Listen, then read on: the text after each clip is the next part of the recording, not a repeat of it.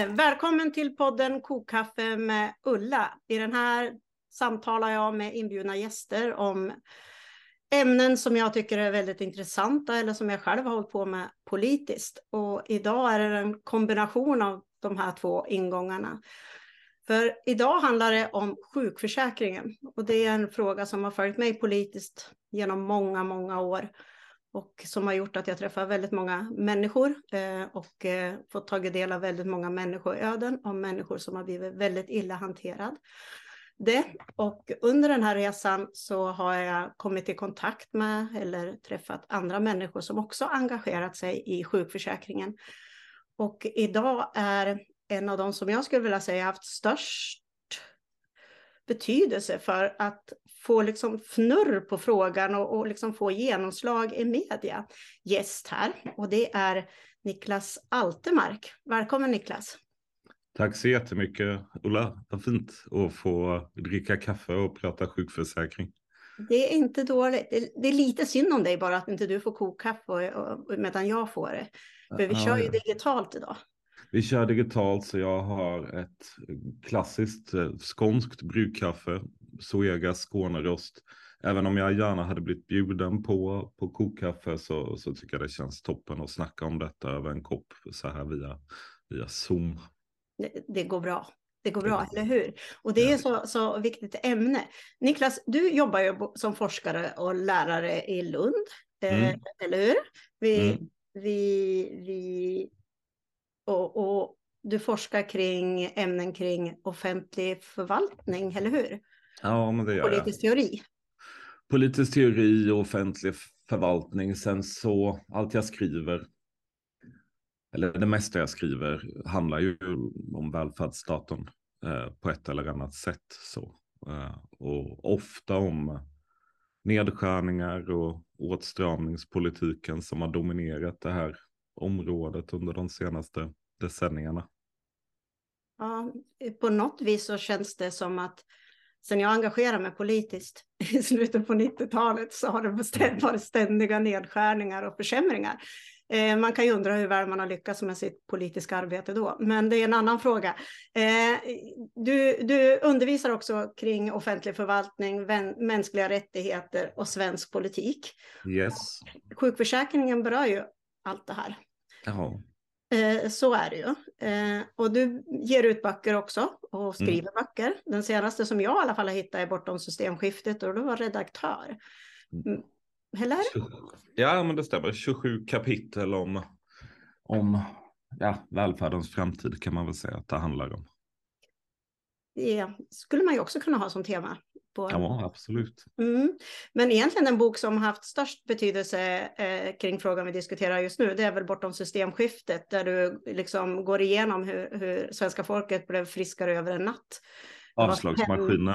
Avslagsmaskinen, vad sa jag nu då? Ja, du sa bortom systemskiftet. Ah, ja, förlåt. Avslagsmaskinen. Eh, där du går igenom hur, hur svenska folket blev friskare över en natt i alla fall. Eh, mm. vad det ledde till och, och, hur det har påverkat demokratin. Eh, mm. så. Men som jag sa för en liten stund sedan så är det ju så att sen jag engagerar mig politiskt så har det varit ständiga nedskärningar känns det som i alla fall. För jag kom ju in i politiken där när vi skulle sanera statsfinanserna. Mm. Eh, juppisarna som man sa då klarade sig bra, men de som mm. var sjuka eller arbetslösa så de fick känna på piskan och på hål i plånboken. Men hur skulle du vilja säga att, att eh, hur länge har liksom den här debatten om sjukförsäkringen och försämringarna i sjukförsäkringen pågått? Och har det liksom varit samma problemanalys hela tiden? Ja, alltså om man, ett sätt att se på, på frågan, det är ju att, att se att det här sättet att prata om, om eh, sjukdom som en kostnad eh, och att prata om välfärdssystem som för generösa, vilket man då tänker sig ska leda till att folk går hemma och latar sig och sådär. De idéerna har ju funnits egentligen genom hela 1900-talet och egentligen ända sedan socialpolitikens födelse i början av 1900-talet. Jag läste en, en debatt i Läkartidningen från 50-talet när sjukförsäkringen, den statliga sjukförsäkringen infördes. Och, och läkarna är superoroliga att nej, nu kommer det här leda till att, till att människor bara är hemma och inte tar sig i kragen och så här. Så det här sättet att, att, att eh, se på sjuka människor som en kostnad och som potentiellt lata. Det har funnits med oss ganska länge då och sen så, så var ju det som hände under utbyggnaden av välfärdsstaten under efterkrigstiden, att vi började bygga bort också de här värderingarna genom att, att eh, institutionalisera en slags solidaritet mellan människor. Jag menar, med arbetarklass, medelklass, väldigt stora grupper av befolkningen blev vinnare på det här systemet och det skapade en stor tilltro till systemet. Och sen precis som du säger så, så börjar ju ett ett annat sätt att se på det här dyka upp i efterdyningarna av 1990-talskrisen. Då. Eh, och man kan, jag har sysslat med att läsa ja, bland annat dina inlägg Ola, eh, budgetdebatter, anföranden i riksdagen eh, från 90-talet och fram tills idag. Och då hör man den här oron liksom över välfärdens kostnader och socialförsäkringssystemen. Det börjar smyga in på 90-talet och, och hos Socialdemokraterna kan man säga att det här hamnar verkligen på dagordningen då med halveringsmålet som kommer i början på 2000-talet där man säger att vi ska halvera eh, sjukskrivningarna. Eh, och eh, man tillsätter också en sjukförsäkringsutredning, Manna Hedborg som, som eh, utredare. Och Anna var ju i sin retorik också väldigt, väldigt tydlig med att vi inte kan ha för generösa system för att det riskerar att, att driva kostnaderna åt, åt pipsvängen. Liksom.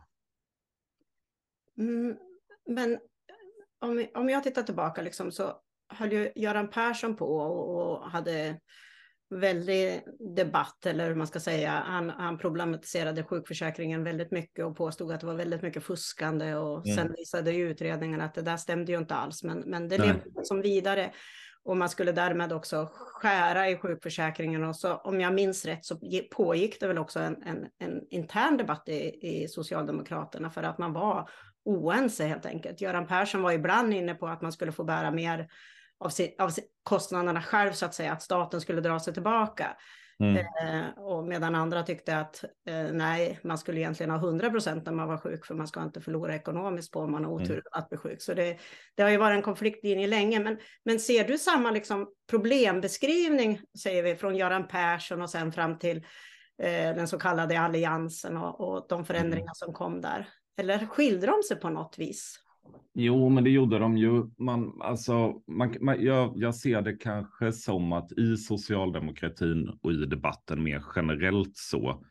Jag menar, Alf Svensson pratade ju också om fusket i välfärdssystemen och lyfte upp den frågan, alltså i valkampanjen inför 2002-valet. Eh, så, att, så att det här var ju liksom idéer som kom in i den svenska politiska debatten och som påverkade alla partier utom det du satt i riksdagen för. Alla andra hängde ju på den här retoriken i olika grad. Kanske inte Miljöpartiet heller i någon speciell utsträckning. Så. Men eh, här såddes det ju frön och precis som du säger så var socialdemokratin delad i den här frågan.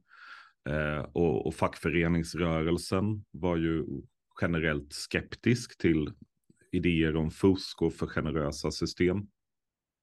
Socialdemokraterna försökte ju någonstans neutralisera den här frågan genom att tillsätta den här så kallade FUT-utredningen eh, som man tillsatte då inför valet 2006. De presenterade sitt slutbetänkande 2007 och hade som uppdrag att uppskatta hur stort fusket var liksom.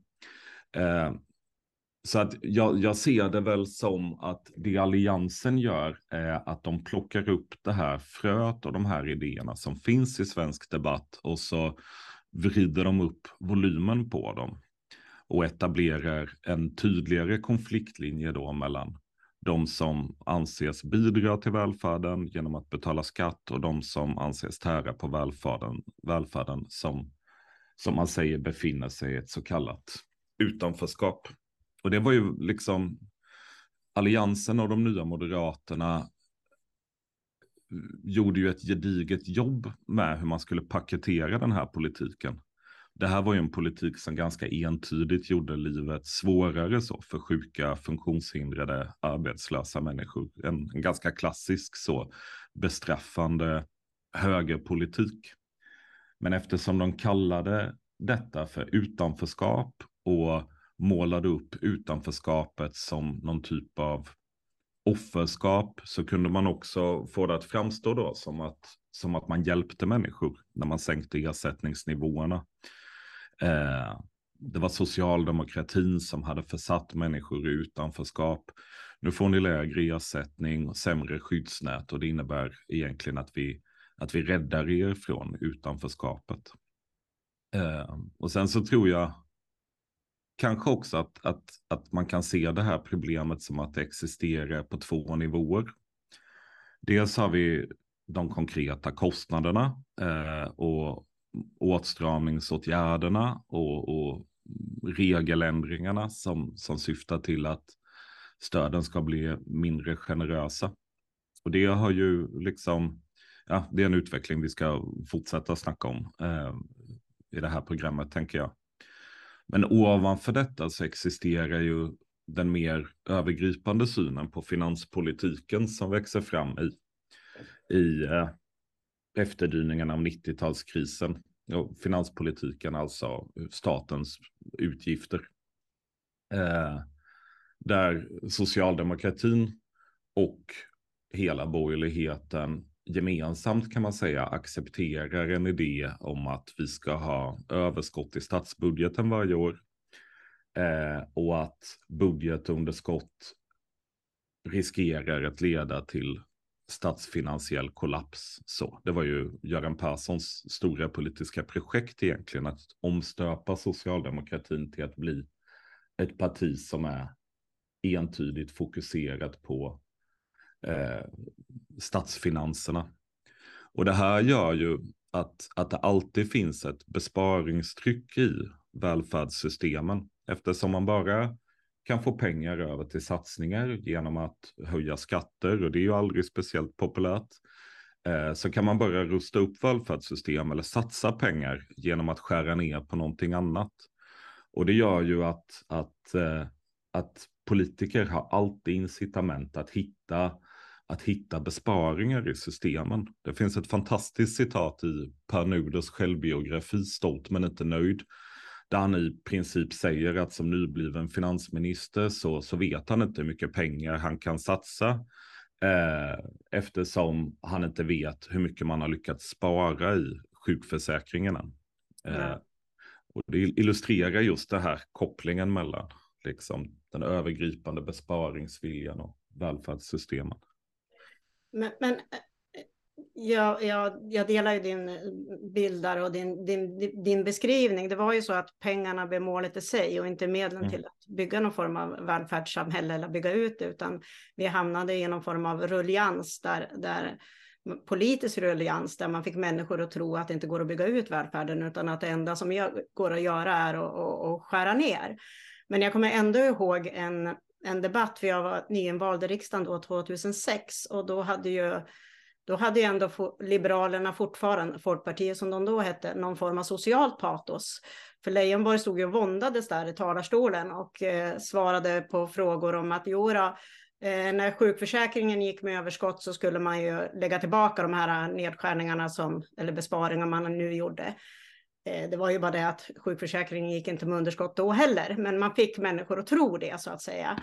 Men nu tycker jag sedan dess har det liksom bara blivit att nej, men så här kan man göra och så här ska det vara ungefär. Det finns liksom ingen, vad ska vi säga, moral eller värdighet.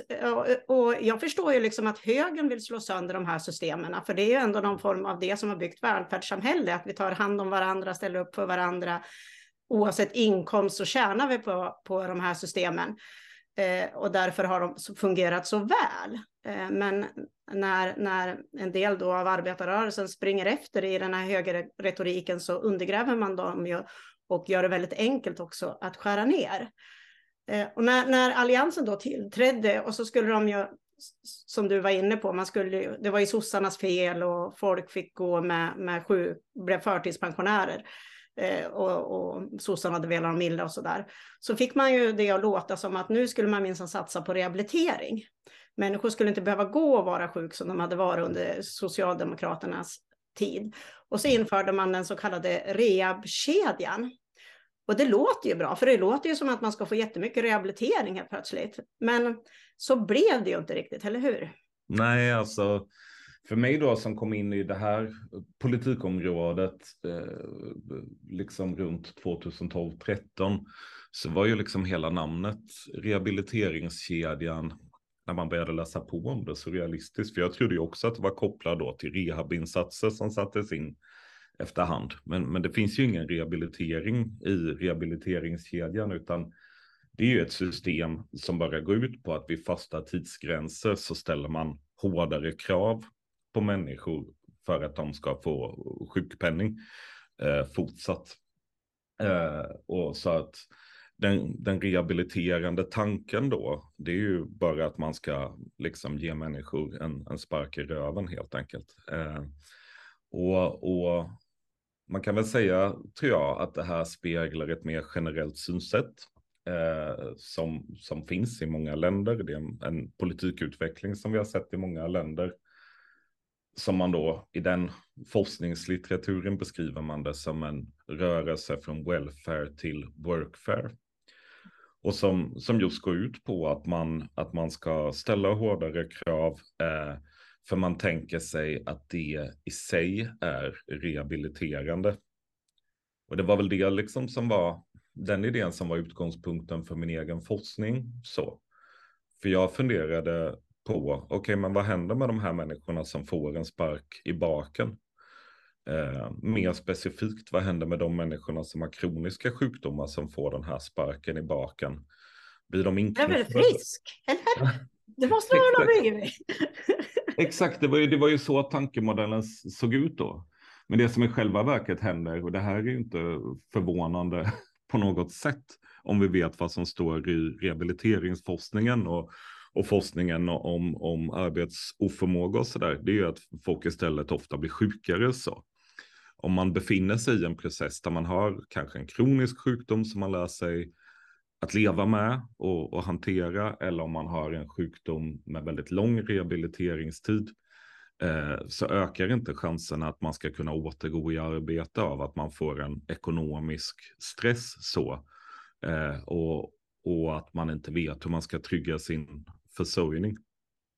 Det är ganska tydligt. Jag har gjort många intervjuer med sjuka människor och tagit del av ännu fler historier eh, och dokumentationer. Eh, och där syns det ju supertydligt att, att, att liksom sjukdoms, sjukdomstillståndet som gjorde att man från början fick sjukpenning, ja men det blir ofta ett eller två eller tre snäpp värre då när man blir av med sin ekonomiska trygghet. Man är fortfarande för sjuk för att arbeta väldigt ofta. En del kanske försöker med blandad framgång. Eh, men för de flesta så innebär det liksom en ökad stress som gör det svårare att, att vila upp sig, att fokusera på rehabiliteringen eh, och som dessutom leder ofta till liksom en, en psykisk, eh, eh psykisk sjukdom helt enkelt. Det måste ju vara grymt eh, och ha den där oron för, jag tänker att all kraft och energi går ju åt till att försöka hantera sin sjukdom, försöka bli mm. bättre om det går. Eller mm. på något vis hitta på ett bra, finna ett bra sätt att leva med den sjukdom man har. Och sen helt plötsligt kunna känna en oro då eller kunna konstatera att nu har jag inte ens försörjning utan mm. jag är helt beroende av, av mina nära och kära eller, eller ja, vänner. Eh, mm. och det måste ju vara det måste vara förskräckligt. Jag kommer ihåg själv när jag blev sjukskriven för jag varit utbränd och jag hade ju ändå god ekonomi och jag hade ju kunnat leva på besparingar. Jag har man som har jobb också och sådär. Eh, men jag gick ju ändå omkring och var orolig, för jag hade ju inte kunnat gå tillbaka och jobba, för jag hade ju ingen hjärna som fungerade. Jag mm. kunde liksom inte läsa ett recept ens. Och vad hade hänt med mig då om jag skulle åka tillbaka och börja läsa lagstiftning och, och kunna fatta beslut och sådär? Eh, det hade ju liksom inte gått. Men på det då så ska man dessutom behöva oroa sig för, för sin ekonomi. Det, det är nästan obeskrivligt. Precis, och det är ju dessutom, och det finns det också liksom forskning som visar, Johan Kalus har skrivit en bra avhandling som heter att eh, man måste vara frisk för att vara sjuk och som handlar om, om sjukdom, att det, att det innebär ett arbete där man ska hantera myndighetskontakter, fixa läkarintyg, göra sin rehabilitering, ha koll på sin medicinering eh, och så vidare och så vidare.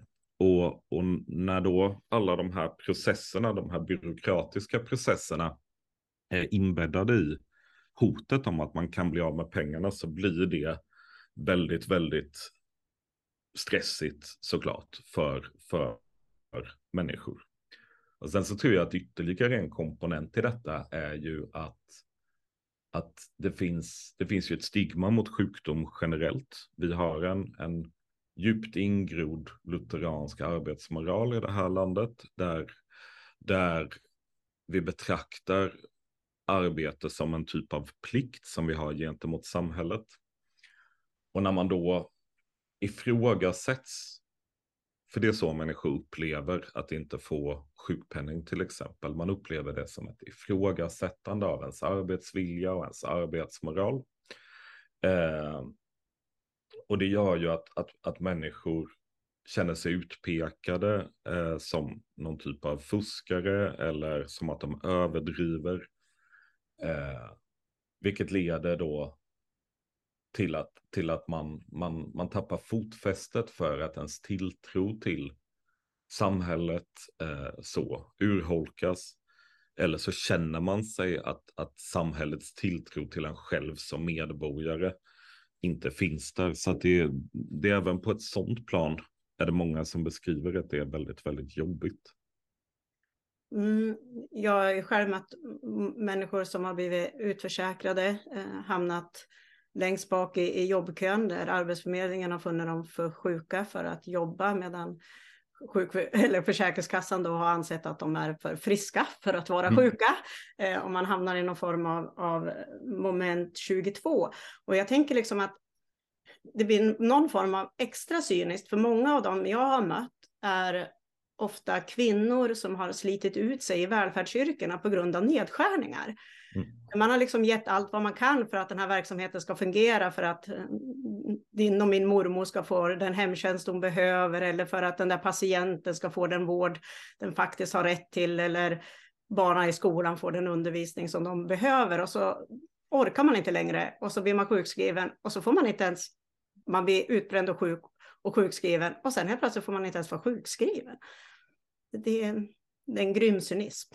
Mm, det är det och vi har hamnat i en typ av ond cirkel här också. För att det som händer då när, ja men om man, alltså så att välfärden är eh, underfinansierad och, och, och liksom brottas med, ja men huvuddelen av välfärden utförs av kommunerna. Kommunerna genomför ständiga effektiviseringar eh, där liksom löner, eh, ja, där, där resurserna inte hänger med de ökade kostnaderna helt enkelt.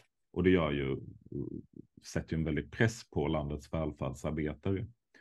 Och sen när sagda välfärdsarbetare blir sjuka och inte får sjukpenning så är, ju liksom, så är det ju ofta kommunerna som får sedan gripa in för att om man inte får pengar från de statliga socialförsäkringssystemen så hamnar man i försörjningsstödet. Det är på ungefär 22 000 människor idag som, som får stöd från kommunerna för att de har ett läkarintyg på att de är sjukskrivna, men de får inte pengar från Försäkringskassan.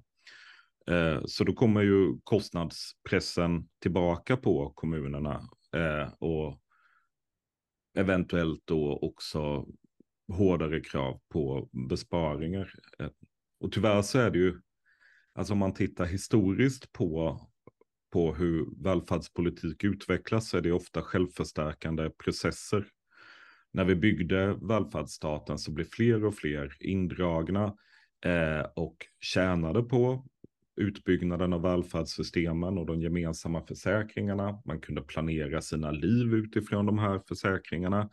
Och då blev det också svårt också för högerpartierna att angripa dem. Mm. Så.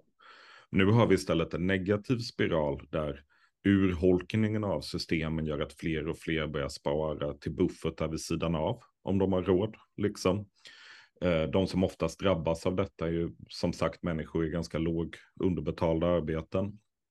Eh, och, och kostnaderna faller tillbaka på kommunerna. Så att vi befinner oss i en situation där vi håller på att ganska fundamentalt, tror jag, förändra hur den svenska välfärden och hur det svenska samhället fungerar. Men förändringarna sker i alla fall under de senaste 10-12 åren i smyg och utan att någon politiskt vågar ta ansvar för dem man egentligen så individualiserar man ett samhällsproblem, ett politiskt problem skulle jag vilja säga. Och så blir det du som individ som får bära både frukterna av det och, och konsekvenserna, eller frukterna, fel ord, konsekvenserna av det skulle jag vilja säga. Mm. Och du blir också skyldig, för det är du som missbrukar systemet och därför måste vi skära ner för alla. Mm. Verkligen, så är det. Och jag tror att, att logiken i utarmningen av, av sjukförsäkringen det är att människor ska lägga undan pengar. Mm. Så att de, det är liksom samtidigt som man, som man genomför de här liksom försämringarna då från regeringar av olika politiska färg har gjort detta. Och, och, samtidigt så är man också överens om att, om att vi ska subventionera ISK-konton till exempel och att vi ska ha väldigt låg liksom, kapitalbeskattning och sådär. Så samt politiskt så gynnar man ju den typen av privat sparande till så kallat fuck-off-kapital. Samtidigt då som de gemensamma lösningarna långsamt eroderas. Ja, trots att det är påvisat att jämlika samhällen mår bättre och utvecklas bättre och bättre ekonomisk tillväxt. Mm. Så ja, det är liksom i strid mot empiri och forskning och, ja, och allt vad vi nu kan säga. Men jag, lite, du var lite inne på det här tidigare, att man ska vara, liksom vara frisk för för att orka vara sjuk och, och den här byråkratiseringen som, som har blivit. Och jag tänker att när, när Socialdemokraterna kom till makten där vid 2014 så fick ju Försäkringskassan då ett mål om att de skulle minska antalet sjukskrivna. Man fick ett visst antal sjukdagar per individ och år som skulle styra Försäkringskassans arbete. Och jag har mött många människor som har slagits med Försäkringskassan och, och, säger att det är omöjligt att få fram det de då har tagit fram, att man ska ha objektiva fynd. Mm. Och sen har man hamnat i, även där i någon form av moment 22 och man, det är väldigt svårt att kunna överklaga. Och man vet ju inte heller liksom vad det kommer att kosta och, och rätts eh, ja, den, de, de pengar man kan få för att överklaga och få hjälp att överklaga så eh, måste man ha en väldigt låg inkomst för att få ta del av. Så det, man hamnar i en väldigt, väldigt utsatt situation. Och det där drev ju på eh, människor som fick avslag på sina sjukintyg. Eh, men hade Försäkringskassan liksom, hittar de på det här helt själv eller blev det en konsekvens av det politiska beslutet? Kunde de ha gjort på något annat sätt? Eller ja, vad tror du? Eller vad tycker du? Nej, men jag beskriver det som en växelverkan med att från början så har vi ett jättetufft system, både när det gäller då sjukpenning och när det gäller sjukersättning.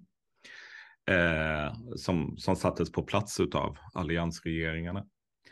Eh, för det andra så fick vi den här politiska styrningssignalen. Och när man tittar på liksom regleringsbrevet där det här målet formuleras, eh, man tittar på vad Annika Strandhäll säger på presskonferensen när det här målet presenteras och, och eh, specifikationer som skickas till Försäkringskassan så är det ju tydligt att regeringen tänker sig att Försäkringskassan ska nå det här målet genom att göra striktare bedömningar. Det finns det liksom inget snack om.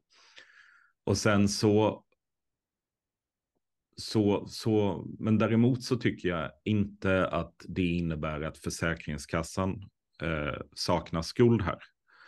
För att det Försäkringskassan gör med det här målet, det är ju att man, att man springer med det väldigt långt. Jag argumenterar för att man springer med det så långt så att man egentligen ligger bortom vad liksom lagstiftningen säger. Och det tror jag inte att, att, att liksom det socialdemokratiska departementet hade tänkt sig. Försäkringskassan svarar ju på detta genom att, att strama upp eh, bedömningen av rätt till ersättning markant. Just genom att börja efterfråga objektiva fynd. Man hade gjort det. Det fanns liksom något domsnytt, något internt dokument på Försäkringskassan som eh, från 2013, från 2014, som i och för sig sa att man kunde efterfråga objektiva fynd. Men, men när det här 9,0 målet om sänkt sjuktal kommer så börjar man ju tillämpa det här mycket, mycket striktare. Man förändrar också eh, vilken typ av normalt förekommande arbeten som då är ett så centralt begrepp i bedömningen av rätten till ersättning. Eh, hur det begreppet ska tolkas. Och, och eh, oavsett, alltså det är ju så att, att när jag undervisar mina stats, liksom statsvetarstudenter så säger jag att, att myndigheterna regleras först och främst och agerar givet den gällande lagstiftningen. Och sen finns det andra styrinstrument också. Man kan, man, regeringen utser generaldirektör och skriver regleringsbrev och sådär. Men lagen ska ju vara överordnad detta. Så att man kan inte få ett regleringsbrev och utifrån det förändra hur man tolkar lagstiftningen. Men det var ju precis det som, som hände här. Eh, och Försäkringskassan var väldigt aktiva i att själva driva hur lagen skulle tolkas i en speciell riktning. så. Och det tycker inte jag att, att eh, socialdemokratin då eh, och kan bära hela skulden för. Dessutom så kan jag tycka när jag tittar på debatten idag så kan jag konstatera att Socialdemokraterna har ju ändå försökt lägga om sätt. Eh, Annika Strandhäll har suttit i, i, om det var Uppdrag granskning eller Kalla fakta och försökt liksom ändå eh, försvara det här och konstaterar att det inte blev som man hade tänkt sig och, och där. Jag tycker fortfarande såklart att det var väldigt dålig politik mm. eh, från dem. Men jag konstaterar också att, att Försäkringskassan har ju smugit under radarn här eh, och de processer som pågår inne på den myndigheten har, har lite fallit utanför så fokuset i debatten. Eh, och det tror jag är lite olyckligt här, för jag tror kanske inte att de har sysslat med den typ av, av lärande och, och självkritik som hade varit nödvändigt för att vi ska förstå liksom ja, men hela den här rättsskandalen egentligen som har utspelat sig under de senaste åren. Mm. Egentligen så tror jag att det är nog finansen som har styrt mm. socialdepartementet mm. väldigt mycket. Det tror jag också. Liksom tvingat fram lite olika styrsignaler till, till ja. Försäkringskassan. Det här, det här med objektiva fynd, det handlar ju om att Försäkringskassan kräver att det i läkarintyget ska finnas prover eller tester typ blodprov, röntgenplåtar eller något sådant. Och att det blir ett krav för att man ska få sjukpenning. Eh, och det innebär ju då att, att, att människor som är sjuka i sjukdomar som, som utbrändhet eller, eller depression eller psykos eller vad det nu kan vara för någonting. Eh, där finns det ju inga prover eller tester som, som används när man diagnostiserar. Så för de grupperna så blir det väldigt svårt att få sjukpenning. Man är inte sjuk helt enkelt, enligt Försäkringskassan, men enligt alla andra är man det. Precis, inklusive läkemedelsvetenskapen, där ju det här är helt etablerade diagnoser och sjukdomstillstånd. Eh, och eh, så där, i den domen så konstateras att personen i fråga inte har rätt till ersättning och att det saknas så, tester eller fynd eller ja, det, varier, det ska ju sägas också att det här med objektiva fynd, det där har ju Försäkringskassan ibland svarat på genom att byta ut begrepp och kalla det eh, obs medicinska observationer eller så istället, mm. men det har samma innebörd. Och sen så är det faktiskt Försäkringskassans mm. egen rättsavdelning som begär prövningstillstånd hos Högsta förvaltningsdomstolen. Så att det är liksom inte, eh, det, det är Försäkringskassan själv som ser till att det här målet kommer upp i Högsta förvaltningsdomstolen.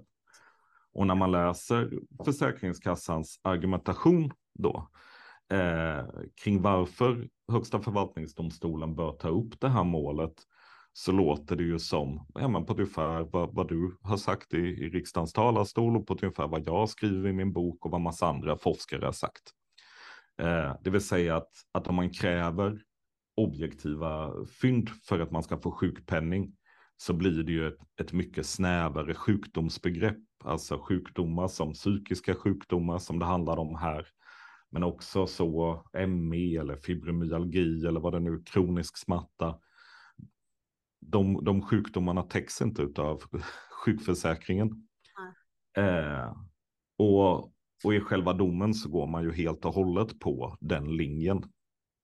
Eh, och det var kanske inte så, så förvånande så, för att det här finns inte i, i objektiva fynd finns inte i lagstiftningen så.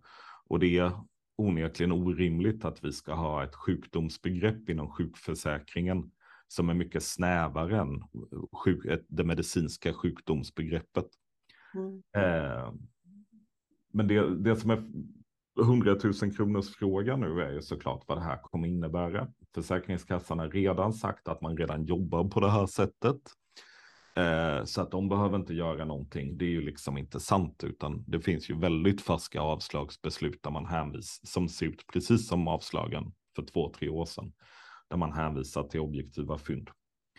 Eh, så, så, och det kan man väl säga har kännetecknat hela Försäkringskassans bemötande av all kritik de har fått, både från ja, Ardalan Shekarabi som blev minister efter Annika Strandhäll, från oss i forskarsamhället, eh, i socialförsäkringsutskottet och så vidare och så vidare. Att, att man har ju liksom hållit linjen att man alltid gör helt rätt och, och, när det kommer några domar som, som antyder att man inte har gjort rätt så säger man att man redan jobbar på det sättet liksom. Eh, så att jag tror liksom inte att det här är klart ännu. Jag tror att det är en öppen fråga om myndigheten kommer börja tillämpa detta eller om man kommer hitta något sätt runt att komma runt det. Och här tror jag att det är viktigt att, att det finns liksom både ett, ett tryck från liksom departement och sådär och, och med nuvarande regering är väl det tveksamt hur intresserade de är men också från allmänhet och media att inte släppa den här frågan. Så det finns krafter inne på Försäkringskassan som tycker att den här domen är väldigt bra och som verkligen vill att man ska följa den. Men det finns också krafter inne på Försäkringskassan som, som tycker att det här mest är besvärligt och att man inte har gjort något fel överhuvudtaget. Nej, Det, det är läskigt eh, att att inte våga erkänna att man har gjort fel eh, leder inte i någon bra riktning. Eh, egentligen så skulle man väl behöva någon form av kriskommission som gick igenom e-, allt vad som har hänt på, på Försäkringskassan och, och vad det här eh, har, har lett till. Och, och, och, de människor som har drabbats borde ju få någon form av upprättelse. Eh, det tycker jag borde vara det mest rimliga och det, det värdiga det här, i det här läget. Men egentligen så tänker jag så här att under den här resan som har varit så är det ju om jag ska försöka sammanfatta vilka som har kämpat mot den här alltså utvecklingen som har varit så är det, det är vårdpersonal, läkare som på olika sätt har protesterat att deras läkarintyg, fast de bedömer att människan är sjuk och så vidare, men att den inte får vara sjuk och hela allt det här. Sen är det de sjuka själva, eh, Sorosupproret, eh, 116 om dagen. Det är väldigt många människor involverade som på olika sätt har, har, har kämpat utifrån den ork de har och därför har det ju liksom gått lite upp och ner också. Sen är det fackföreningar eh, och personer där som Sheldon Outsio till exempel och sen har vi ju ja, Lisbeth Lippe Forsberg och så. Men, men det jag tycker är märkligt, det är ju liksom att det är inte fler. Mm. Det här är en sån central del av den svenska modellen av hela vårt välfärdssamhälle och något som vi alla kan drabbas av. Du var ju inne på det där i början. Vi kan ju bli sjuka allihopa eller råka ut för en arbetsplatsolycka eller krocka med bilen eller vad som helst. Och ändå har det varit så tyst. Och dessutom så har liksom Försäkringskassan kunnat kört sitt race här med objektiva fynd utan att det liksom knappt har hörts. Mm. Varför då tror du? Dels för att det är komplext så. Om man, om man befinner sig i de här, ja men 116 om dagen som du nämnde, eller Försäkringskassan upproret eller sådär, så, så ser man ju hur människor själva som utsätts för detta måste läsa på och bli experter på systemet. Så. Eh, det finns en stor kunskap i gruppen som drabbas, men om man inte gör det så är ju de här reglerna svårgenomträngliga. Eh, så det tror jag är ett skäl. Sen så tror jag att, att ett annat skäl eh, att, eh, ja, men att samhällets ideal och, och norm är att våra kroppar ska fungera, att vi ska gå och jobba. Kanske kan vi göra lite mindfulnessövningar eller gå på gymmet eller spela paddel eller vad det nu kan vara. Eh, och på det sättet främja vår hälsa. Men vårt samhälle präglas inte av insikten att våra kroppar är sårbara, att de kan gå sönder och att det här ligger i korten för precis alla människor. Det kan vara vem som helst som, som drabbas när som helst. Eh, och den insikten finns det ju en väldig rädsla för, tror jag. Eh, vilket gör att, att när man tittar då på nedskärningarna i sjukförsäkringen eller nedskärningarna inom den personliga assistansen som har skett parallellt med allt det vi snackar om och som har gått till på, på ungefär samma sätt. Så tänker man sig att det här gäller någon annan. Ja, men det, det är väl, det, det här är liksom inte min angelägenhet. Det är inte jag som är funktionshindrad eller kroniskt sjuk. Eh, och så kan man, alltså kanske i bästa fall då, eh, unna sig Eh, att, att tycka synd om dem som drabbas och förfasas när man läser någon snyfthistoria i tidningen. Men, men all, den svenska allmänheten har ju inte landat i insikten att det här gäller alla. Alltså man har en empatistyrd snarare än en, en solidarisk syn på detta. Om man har en solidarisk syn på på de här systemen så ser man att det handlar inte om att jag tycker synd om sjuka människor, utan det handlar om att jag och de som för tillfället är sjuka hjälper varandra genom att ta ansvar för varandras grundläggande trygghet gemensamt och utifrån vår förmåga. Och där tror jag att, att vi skulle behöva ett större liksom, kulturellt skifte där vi börjar se liksom sjukdom och funktionsnedsättning som, som delar av livet som, som vi inte kan låtsas som att de inte finns och som vi inte kan fly ifrån. Och så måste vi ta konsekvenserna av det genom att försöka bygga ett samhälle där vi hjälps åt att bära varandra. Istället för att vi ska få någon så allmosestyrd politik där, där vi liksom kan göra tillfälliga punktinsatser eller kanske förbättra stödet lite här och där för vissa grupper som vi för tillfället råkar tycka synd om. Du, du är ju inne på, på det jag egentligen tänkte fråga om nu. Eh, mm. I slutet på förra mandatperioden så fick vi igenom en del efterlängtade förändringar, eh, bland annat prövningen mot hela arbetsmarknaden som skulle ändras och så vidare. Men vad tycker du vi skulle behöva ha mer för förändringar i sjukförsäkringen? Och det du egentligen då var inne på, hur mm. ska vi lyckas mobilisera så att det här verkligen blir av? Mm. En stor, stor fråga. Det kan vi ta 50 minuter till med. Har vi pratat i 50 minuter? Alltså? Jag tror snart det i alla fall. Ja, jag koll jag heller. jag får försöka begränsa mig lite i mitt svar då. Alltså för det första, jag vill bara understryka en sak som du sa tidigare. Det behövs ju upprättelse och en kriskommission här. Den här domen från högsta förvaltningsdomstolen, den säger ju i klartext att, att, att liksom tusentals, antagligen tiotusentals avslagsbeslut har saknat rättslig grund. Det är en gigantisk rättsskandal som har skett och det måste vi gå till botten med. Eh, för det andra så tror jag att, att de förändringarna som har skett, jag menar jag jag blev superglad och tacksam eh, över dem. Men de sker ju fortfarande inom ramarna för det regelverk som alliansregeringen fick på plats. Vi tog liksom många, många steg bakåt 2008 när liksom de borgerliga, eh, ja du satt ju i kammaren vid tillfället, de satt och applåderade liksom när det här röstades igenom. Eh, och nu har vi tagit några små steg framåt. Så, så vi måste fortsätta. Eh, och, och liksom på kort sikt så finns det ju utredningens förslag ytterligare från, från sjukpenningutredningen och sjukersättningens sjukersättnings och aktivitetsersättningsutredningen som behöver röstas igenom. Men om vi ska tänka på hur systemet ser ut så, så behöver vi skrota rehabiliteringskedjan. Människors rehabilitering följer inga fasta tidsgränser. Jag tror att det här systemet närmast är kontraproduktivt för många människor som bara kommer längre bort från arbetsmarknaden. Eh, och då hade mycket varit vunnet. Och sen så tror jag att den långsiktiga förändringen vi behöver mobilisera för, den går ju ut på att vi just lyfter fram att det här är ett system för alla. Alltså jag har intervjuat människor som har tillhört, tillhört en, en, en, en liksom bemedlad eh, välmående medelklass med hus eh, och, och bil och sommarstuga som har förlorat allt efter fem år i den här myndighetskarusellen.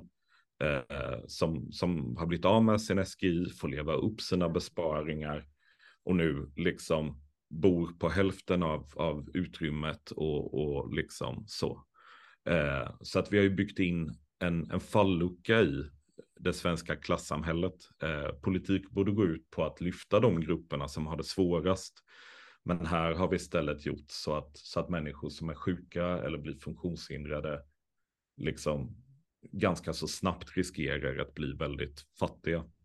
Så jag tror att vi måste lyfta fram just den aspekten att detta är ett kollektivt skydd som, som alla, nästan alla tjänar på.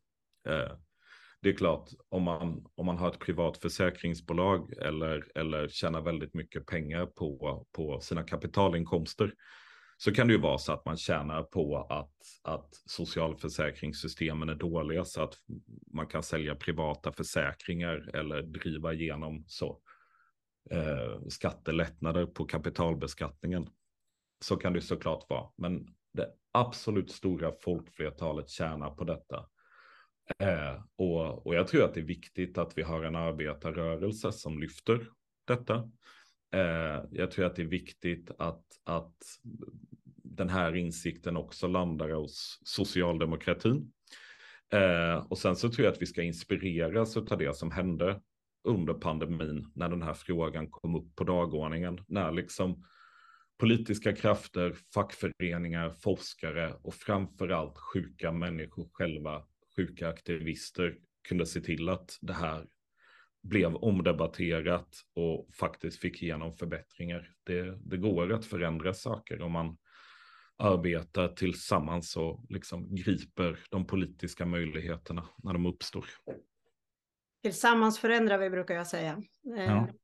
Det brukar gå bättre då än ja. att var och en ska slåss var och en för sig. Det är så vi har byggt det här välfärdssamhället en gång i tiden och vi kan ju göra det igen. Eh, mm. Så är det ju.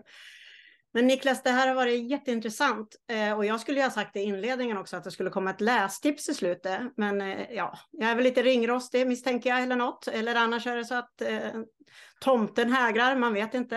Eh, men har du några lästips så här? Avslagsmaskinen skulle jag säga att man borde läsa om man eh, vill lära sig mer om det som har hänt kring, kring sjukförsäkringen och Försäkringskassans ja, haveri. Mm. Mm, och den har Tack ju du skrivit. jag tycker att man kan läsa, om man vill ha reda på liksom historien som, som jag inte skriver om, min, om i min bok, men som, som vi har pratat om, om vad som händer fram till alliansregeringen, så ska man läsa Kampen om sjukfrånvaron av Björn Jonsson från 2010. Eh, som också är en väldigt bra bok som handlar om, om detta. Eh, och sen så har jag funderat lite fram och tillbaka på vad jag vill ge liksom för eh, lästips. Eh, och jag har landat i en, en bok som handlar om ett annat politikområde som är lika brännande faktiskt. Mm. Eh, som heter Klimatet, tillväxten och kapitalismen som är skriven av Rickard Hjort Wallenius. Och den handlar om, jag menar jag tror att vi idag står inför två stycken vägval. Dels hur vi bygger upp ett solidariskt välfärdssamhälle och ett jämlikt samhälle igen och dels hur vi gör det på ett sätt som är förenligt med eh, den pågående så, klimatkollapsen. Eh, eh, och det är väl en av de sakerna jag själv hoppas brottas med och tänka på under de kommande åren, hur vi bygger ett grönt solidariskt välfärdssamhälle. Det tycker jag att vi kämpar på för. Det gör vi.